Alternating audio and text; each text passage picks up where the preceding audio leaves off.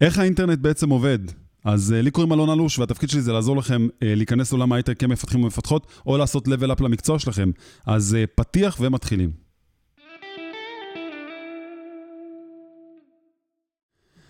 אז היי לכולם, שוב פעם לי קוראים אלון, ואני רוצה לעזור לכם לענות על שאלה מאוד פשוטה. איך האינטרנט עובד? שאלה ששואלים אותה תמיד ברעיונות עבודה, ואנשים תמיד נתקעים בה.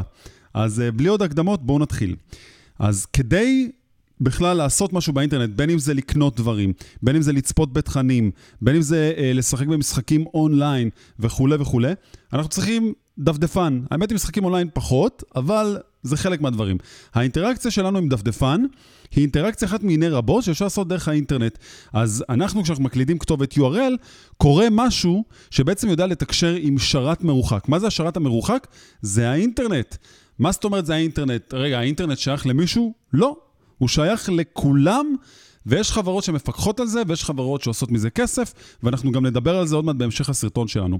אז בגדול, דפדפן זה המשקפת שלנו להסתכל אל תוך האינטרנט ולעשות עם זה אה, המון אינטראקציה. אז אה, איך הדפדפן יודע היכן האתר שאני רוצה לגשת אליו אה, בעצם מאוחסן, איך אנחנו יכולים לגשת אליו, ואיך זה בעצם עובד? מה, זה, סוג של קסם? אז אה, מבחינתי זה סוג של קסם, כן. אז אה, מה שזה אה, בעצם, מה שבעצם הדפדפן שלנו עושה, הוא משתמש אה, אה, בסוג של מנגנון סטנדרט, שנקרא DNS. מה זאת אומרת DNS? בואו בוא נבין מה זה אומר. יש לנו אתר שלדוגמה נקרא https examplewebsite.com. אז uh, הכתובת URL הזאת בעצם מתחלקת לכמה uh, uh, דברים שונים. קודם כל, אם נלך בצד ימין, יש לנו את ה.com. זה בעצם level domain. כשהדפדפן שלנו ילך לחפש איזה סוג של כתובת של אתר אינטרנט, הוא קודם כל עושה איזה סוג של lookup, ללכת לחפש, אה, זה כמו רשומות של טלפונים בעצם, ואנחנו עוד מעט נבין גם מה זה אומר, שאנחנו הולכים קודם כל, לדוגמה, אה, לסוג של איזה, בוא נקרא לזה מעין database כזה, מעין רשומות ששמורות איפשהו של כל מה ש dot com. ואז בכל מה ש dot com, הוא יחפש את ה example website, והוא יפעל לפי הפרוטוקול של ה-HTTPS. יש גם HTTP רגיל, אבל היום חברות גדולות משתמשות ב-HTTPS וגם חברות קטנות אפילו, כי זה מצפין, וכל מי שיעשה לנו sniffing לקוד שאנחנו, אה, לאינטראקציה של הקריאות והבקשות שאנחנו מבקשים מהדפדפן, זה יהיה מג'וברש והוא לא יוכל להבין מה זה אומר בעצם. זה למה יש לנו את ה-S פה ספציפית, אפשר לגעת בזה גם בהמשך הסרטון. אז אה, הדפדפן בגדול מה שהוא עושה, קודם כל הוא בודק אם הרשומה הזאת אה, קיימת. לדוגמה, example.com, קיים אה, אה, אה, אצלי? לא. הוא בודק את זה אחרי זה אה, מול הדפדפן של עצמו, אולי זה משהו עם ה-localhost, משהו עם ה-local machine, ואם לא, אז הוא ילך ל-ISP. ISP זה ה-Internet Service Provider. כשאנחנו היום מחוברים מהבית או מהמשרד לאינטרנט מסוים, אז בעצם זה ה-gateway שלנו, gateway שלנו, אה, הפורטל שאנחנו דרכו עוברים אל האינטרנט עצמו. אז כשאני נכנס לתוך example.com, אני, הדפדפן שלי בעצם עושה את הבדיקות האלה, וכל זה קורה ממש בשבריר של כמה שניות או פחות משנייה, וזה מבחינתי סוג של קסם, ללכת ולעשות את כל העבודה הזאת כל כך מהר. אז מה זה בעצם DNS? DNS זה כמו ספר טלפונים. כשאנחנו פותחים טלפון, אנחנו לא מקלידים מספר 0, 5, לא מקלידים מספר טלפון של מישהו. אנחנו אה, שומרים את השם של הבן אדם, ואם לדוגמה הוא מחליף מחר את הטלפון שלו, אז אנחנו נרשום אותו תחת השם הזה. למה? כי זה יותר אנושי לנו לכתוב google.com, amazon.com, או לא יודע, כל אתר אחר שהוא gov.il או לא משנה מה. וזה יותר קל לנו לזכור את זה ככה מאשר מספרים. אז מן הסתם, הגיוני יותר שכשהדפדפן עושה קריאה אל כל מיני שרתים שיכולות להיות בכל מיני צמתות באינטרנט, אנחנו נרצה לעשות את זה באמצעות דרך מאוד נוחה ופשוטה. אז כשאני מקליד לדוגמה google.com, אז בעצם מה שיקרה, או שה-ISP, או שיש לי כבר ב cache של הדפדפן, שמור כבר בתוכו איזה סוג של אה, מספר, כמו 172, 19992, שזה בעצם ה-IP שלי, שזה ה internet protocol, שזה בעצם המספר שמשוייך לאותו דומיין. התקשורת שדרכה הדפדפן עושה את הפעולה הזאת היא נקראת TCP, שזה uh, Transmission Control Protocol. אני אוהב פרוטוקולים, כי כשיש פרוטוקולים, הכל מאוד פשוט וקל מאוד להעביר. אז מה עושה בעצם TCP? הוא מעביר את הנתונים שעברו באמצעות ה-IP, כמו שאמרנו מקודם, המספר טלפון הזה כביכול, ומוודא את נכוחותם. את נכו... כן, יצא לי ככה. ומאשר את קבלת הנתונים במלואם, או מבקש שליחה מחדש של הנתונים שלא הגיעו בצורה תקינה. כלומר, יכול להיות שמחר יהיה לי אתר אינטרנט, אבל אני אחליף את ה... אחסנה שלו, או יש לי IP שהוא לא סטטי, כלומר IP שלא קניתי אותו שהוא יהיה רק שלי, מספר טלפון מסוים שהוא רק שלי, אז כל פעם שאני אעשה ריסטארט למכונה שלי, יכול להיות שאני אקבל איזה סוג של IP אחר, אבל עדיין זה יוכל להיצמד לשם של האתר שלי. לכן אנחנו משתמשים פה ב-TCP. עכשיו, שואלים, מה זה בעצם החוות אה, אה, שרתים הזאתי? אז יש ארגון, שהוא ארגון ללא מטרות רווח במובן מסוים, והוא נקרא ICANN. ICANN זה בעצם uh, Internet Corporation for Assigned Names and Numbers, כלומר, זה ארגון עולמי, מבוזר, שמה שהוא עושה, הוא עוזר לנו uh, לשמור על הסטנדרט של האינטרנט. כלומר, אם יש לנו היום משהו שנקרא, אתרים שנקראים נקודה dev, נקודה net, נקודה il, coil, זה הסטנדרטים שאנחנו קובעים, מגישים את זה לאיזה בקשה של אה, ארגון שהוא סובב עולם, ושם בעצם מחליטים מהי הסטנדרט. אז אה, נגיד שיש לי דומיין, אז בעצם אה, אה, איך מגדירים אותו? יש הרבה תצורות, כלומר, קודם כל, יש לי את ה-NS, שזה ה-namespace שלו, שאני בעצם, כשאני קונה דומיין, לדוגמה, אני הולך ל-GoDaddy או לכל אתר אחר שאני קונה ממנו דומיין, אני בעצם מקבל סוג של טופ-לבל דומיין כזה, שאיתו אני בעצם משייך אותו ל-IP של המכונה עליה אני שם לדוגמת הקוד, שממנו יראו את מה שיש באתר אינטרנט. יש uh, סיומת של uh, MX, שזה לאימיילים. A-Record, שזה הכי מעניין, שזה אומר בעצם, לדוגמה, יש לי אתר שנקרא example.com, אז, uh, אני, אז ה-IP שלו, לדוגמה, הוא יהיה 2.1, etc. Uh, יש לנו CNAME, יכול להיות לי סאב דומיין, או יכול להיות לי עוד שם של אתר אינטרנט שיפנה לאתר אינטרנט uh, example.com, לדוגמה, לא יודע מה, example2.com. אז ה-CNAME זה uh, name, שבעצם יכול לעשות redirect לאתר שלי גם. יש לנו טקסט. טקסט ברמת העיקרון הוא נועד בעיקר כדי לוודא שיש לך את הבעלות על הדומיין שלך. לדוגמה, יש איזה סוג של דומיין שאני רוצה שיעשה אינטראקציה עם כל מיני שירותים של AWS בענן. אז כדי שזה יקרה, אתה בדרך כלל מקבל איזה סוג של token, שאתה שם אותו תחת טקסט, וכשאתה שם אותו ככה, אתה ניגש בחזרה לתוך ה-API של AWS, ואז אתה בעצם מריץ את הפקודה שאמורה לבדוק אם אכן ה token שהכנסת שמה, הוא אכן מה שאתה רוצה לעשות איתו, את הפעולה של אותו service שאתה רוצה שיעבוד על אותו אתר. קצת מסובך, אבל בסדר. אוקיי, אז יש לנו משתמש, המשתמש ניגש לדפדפן, הוא בעצם מגליד www ואז הוא בעצם מבצע סוג של request. אני עושה בקשה לאינטרנט.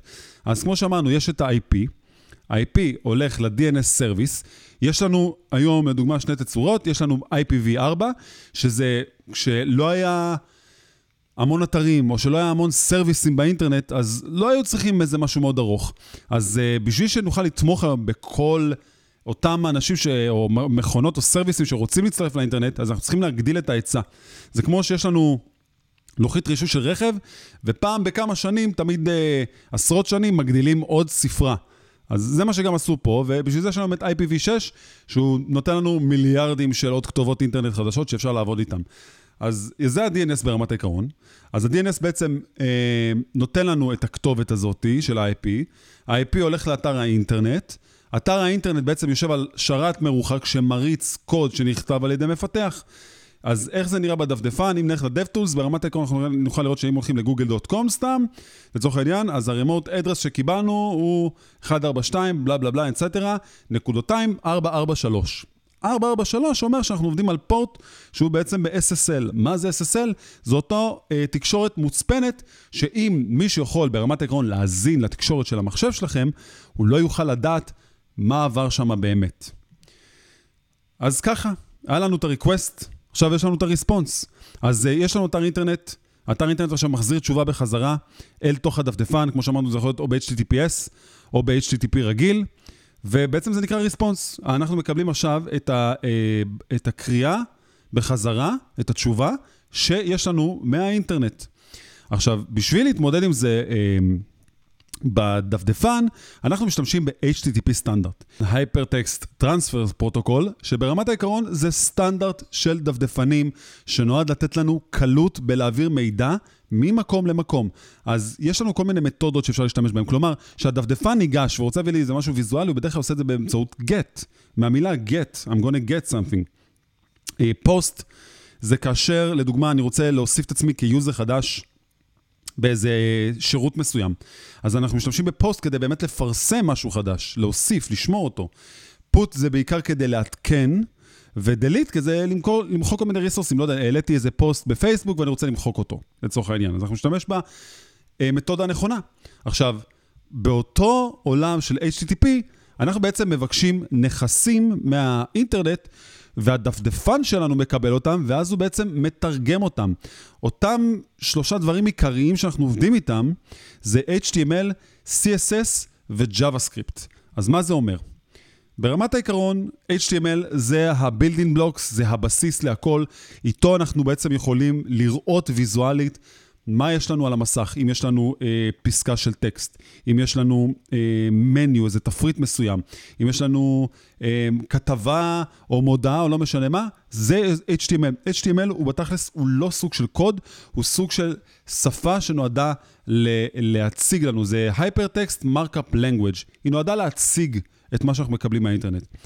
CSS זה הדרך שלנו לעצב את ה-HTML, כלומר, להחליט שנגיד יש לי אתר של מיליון דפים, שבכל המיליון דפים אה, הם יהיו תחת background, אה, אה, רקע של צבע אדום, אז אני יכול לשלוט בכל זה באמצעות CSS אה, מתוך אה, קובץ אחד, ולא להיכנס לכל קובץ ולהוסיף את העיצוב שלו. אה, וכמובן שעוד מסביב לזה היום, CSS בכללי עושה עבודה הרבה יותר גדולה, שזה להכניס אה, עיצוב שהוא ברמה שעד לפני חמש שנים או שש שנים לא הייתה כמו היום יכולה להיות. אז כל מה שיש לנו היום שהוא מאוד יפה וססגוני ואפילו אנימטיבי, אנחנו חייבים את זה ל-CSS. והדבר האחרון שאני רוצה לדבר עליו זה בעצם uh, JavaScript. JavaScript זה בעצם החוויית משתמש. היום אנחנו משתמשים ב-JavaScript גם בעולם מאחורי הקלעים, אבל בכללי JavaScript נוצרה על מנת לתת פתרונות להיות אינטראקטיביים בדפי אינטרנט. שאני מקליק על משהו, שאני שולח טופס, אה, לדוגמה שאני נרשם לאיזה אתר, או שאני עושה לוגאוט מכל אתר שאני רוצה לא להיות עכשיו אה, בתוכו, אז JavaScript הוא נמצא שם כדי לתת לי את האינטראקטיביות הזאת. מה זה בעצם אומר? זה אומר שהיום אנחנו כבר לא באמת כותבים HTML אה, ככה בפני עצמו. אנחנו לא באמת כותבים עכשיו CSS אה, ממש כשפת ה-CSS, וגם JavaScript אנחנו כבר לא כותבים אותה בצורת ונילה, זאת אומרת, בלי שום שימוש של עזר מסוים. ואיך זה בעצם עובד אז? אז HTML5 היום, הוא, ב, הוא בעצם נשאר בערך אותו דבר, עם קצת שדרוגים של כל מיני תגיות שעוזרות למנועי חיפוש ולאקססיביליות, כלומר לעזור לאנשים עם מוגבלויות לראות מה באמת יש בדפדפן. CSS משתמש שם ב pre-compilers, מה זה בעצם אומר? זה אומר ש... בתכנות בגדול, אה, אנחנו לא באמת רוצים לכתוב את אותו קוד פעמיים, אנחנו רוצים לכתוב אותו בצורה אחת, ואז לדעת לעשות לו distribution נכון, על מנת שנוכל אה, אה, להיצמד ליתרון של dry, אה, do not repeat yourself. אז אנחנו משתמשים במשהו, דוגמה, שהוא כמו compiler של SASS או SCSS, שאיתו אנחנו יכולים לכתוב קוד שהוא הרבה יותר רזה, והרבה יותר נכון, מהבחינה הזאתי שאנחנו לא נטעה אחרי זה שנכתוב את אותו קוד פעם אחת, או נכתוב אותו בשתי מקומות, ואז שינינו רק במקום אחד ולא בכל המקומות. אז אה, זה לדוגמה היום אה, CSS ו-JavaScript אה, בכלל קפץ בשדרוג שלו באמצעות הפרמורקים שאנחנו עובדים איתם, זאת אומרת, הזרים הללו, הספריות הללו, שזה בעצם React, View ו-Angular, שבעצם שינו לנו את הדרך שאנחנו מאוד עושים אינטראקטיביות ענקית אה, עם, אה, עם האינטרנט ועם האפליקציה שאנחנו בונים. ומן הסתם, אה, הוא גם, הפריימוורקים האלה גם עוזרים לנו באמת לחסוך הרבה שורות של קוד באמצעות הכלים שאיתם אנחנו בונים אחרי זה את האפליקציה, ככה שבעצם אנחנו מקבלים פה תוצר שהוא מאוד מורכב בעת הבנייה, אבל הוא מאוד יעיל כשאנחנו מביאים את זה ל production. אז לדוגמה, אם אני אקח את React, React היא Component Based Library. מה שמעניין אותה ברמת העיקרון בגדול, זה רק ה-UI, לא מעניין אותה שום דבר אחר. יש עוד ספריות אחרות שמשלימות לה את מה שצריך, אבל היא נותנת את החופש הכי גדול לעשות מה שרוצים ואיך שרוצים. אבל היא אומרת כזה דבר, בוא נשמור על זה שאם יש משהו שעושה את עצמו פעמיים, לדוגמה כפתור, או פסקה, או לא משנה מה, או כל דבר אחר, או תפריט, בוא נכתוב אותו פעם אחת. ואז נשתמש בו כקונטרולר, כמעין קומפוננט מסוים, שנוכל לזרוק אותו בכמה וכמה עמודים, אבל לא באמת נצטרך לכתוב אותו פעמיים, כי אז זה יכול ללכת לאיבוד. מתי בערך, בדרך כלל זה קורה? כשיש לנו אפליקציה מאוד גדולה. לדוגמה, בואו ניקח את uh, פייסבוק. יש שם כל כך הרבה אינטראקטיביות, שאנחנו לא יכולים אה, שלא לכתוב אותה באמצעות React. ודרך אגב, פייסבוק היא האימא והאבא של React לצורך העניין. יש לנו גם את UI UX, שזה אה, בעצם הדרך שלנו להתמודד עם האינטראקטיביות, כלומר, איך הולך להיות המסע של הלקוח בתוך האתר, אה, אם הוא צריך לדוגמה לעשות self service, כלומר, אני רואה מודעה, אני נכנס פנימה לאתר, אני נרשם, שם כרטיס אשראי, מקבל מייל. אז אה, כל ה-UX UI זה גם משהו שהוא היום מאוד מאוד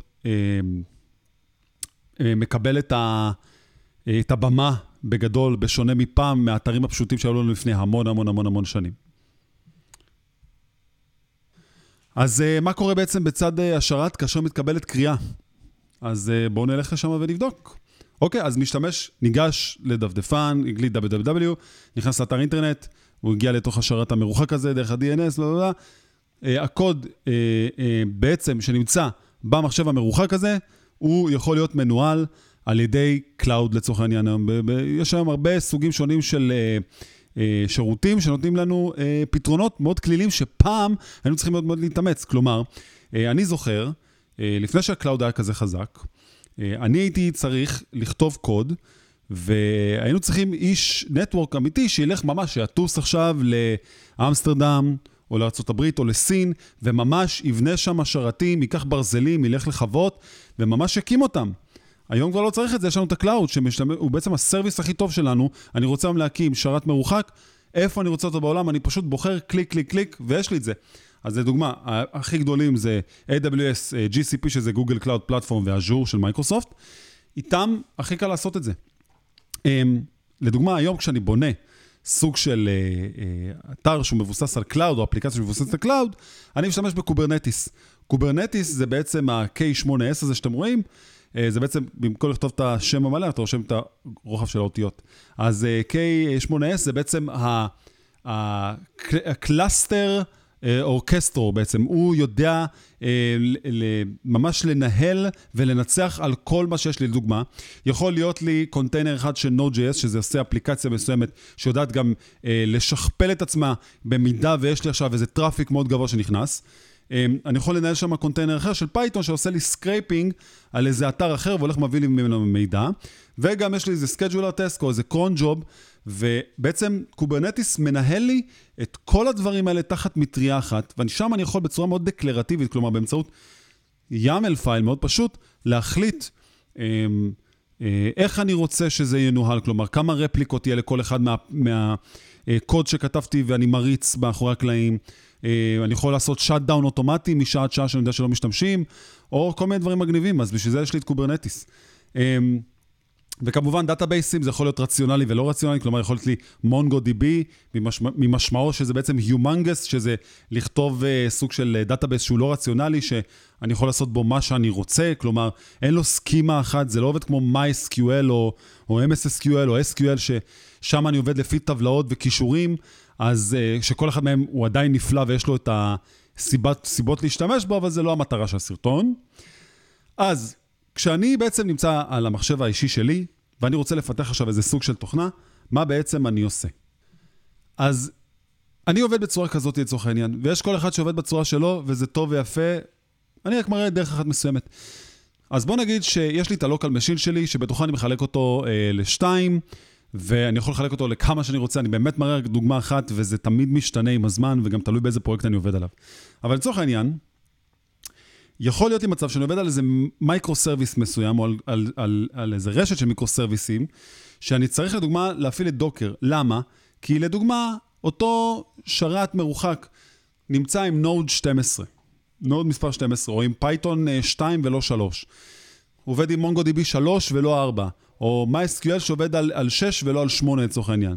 אז כדי שאני אוכל לעבוד על זה בצורה שהיא תדמה את מה שיש לי בא, באוויר כרגע עם האפליקציה, אז אני משתמש ב Docker. למה? כי באמצעות Docker אני בעצם מייצר את אותם קונטיינרים שאני מגדיר בהם, שאני רוצה את Node 12, Python 2, ב database ים גם את ה Mongo ואת ה-MySQL הנכונים, וככה בעצם, כשאני עובד על האפליקציות, אם יהיה איזה קוד שאני אכתוב ואני רואה שהוא...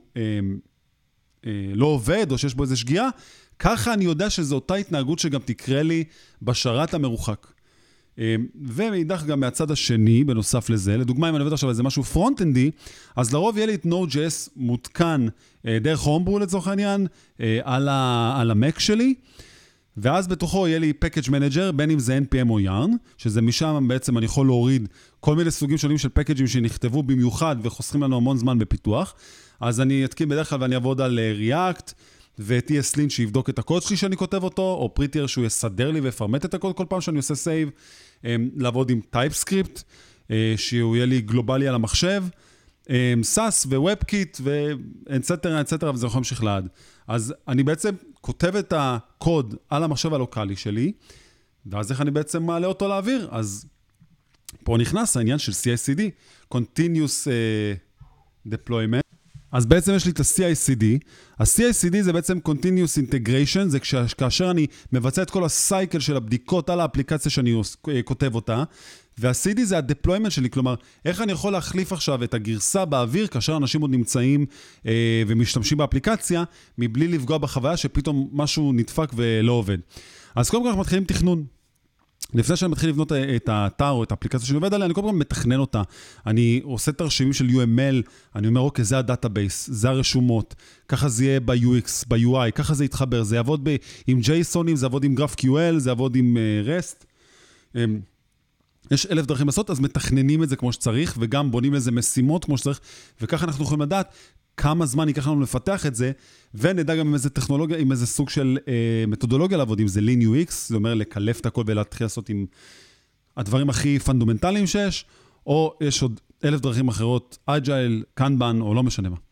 אה, אז בעצם אנחנו עושים את התכנון, כותבים את הקוד, ואחרי זה אנחנו עושים בניות של כל מיני וטיפוס prototype ים, מבצעים בדיקות QA, E2E, sanity, מה שצריך, עם הצוות QA או עם מי שזה לא יהיה, מכינים את הגרסאות, אה, אה, משחררים את הגרסאות, ובסופו של דבר גם ב production עושים את הניטור של אותן שגיאות שכבר יקרו לנו ב production, כי בגלל זה קוראים לזה software, כלומר, אנחנו עושים משהו שהוא soft, הוא משתנה עם הזמן, אה, ואנחנו צריכים כל הזמן לעדכן אותו.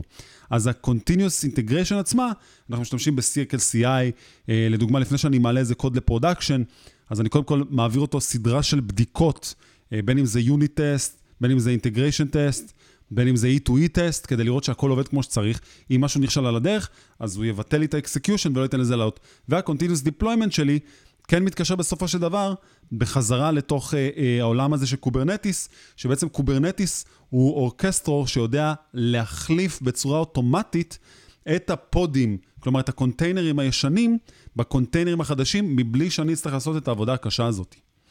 אז באמת, על קצה חוט, ככה האינטרנט עובד. אני בחרתי להציג את זה בצורה כזאתי. אני מאוד אשמח לשמוע אה, מה אתם חושבים על זה. אה, לקח לי לא מעט זמן להכין את זה, ואני מקווה שזה יעזור. שוב, זה נועד לאנשים ששואלים אותם שאלות. ברעיונות והם ג'וניורים, והם לא יודעים בעיקר איך האינטרנט עובד, והם לא שאלו את עצמם בדיוק איך זה קורה, אז אני מקווה שזה מאוד עזר לכם. לי קוראים אלון אלוש, אל תשכחו להסתכל בתחתית של הסרטון הזה, לקבל לינקים, להמשיך לראות את הסשנים של uh, מה שאנחנו עושים קדימה, לעזור לאנשים להצליח בתחום ההייטק. אז uh, נתראה בסרטון הבא, יאללה ביי.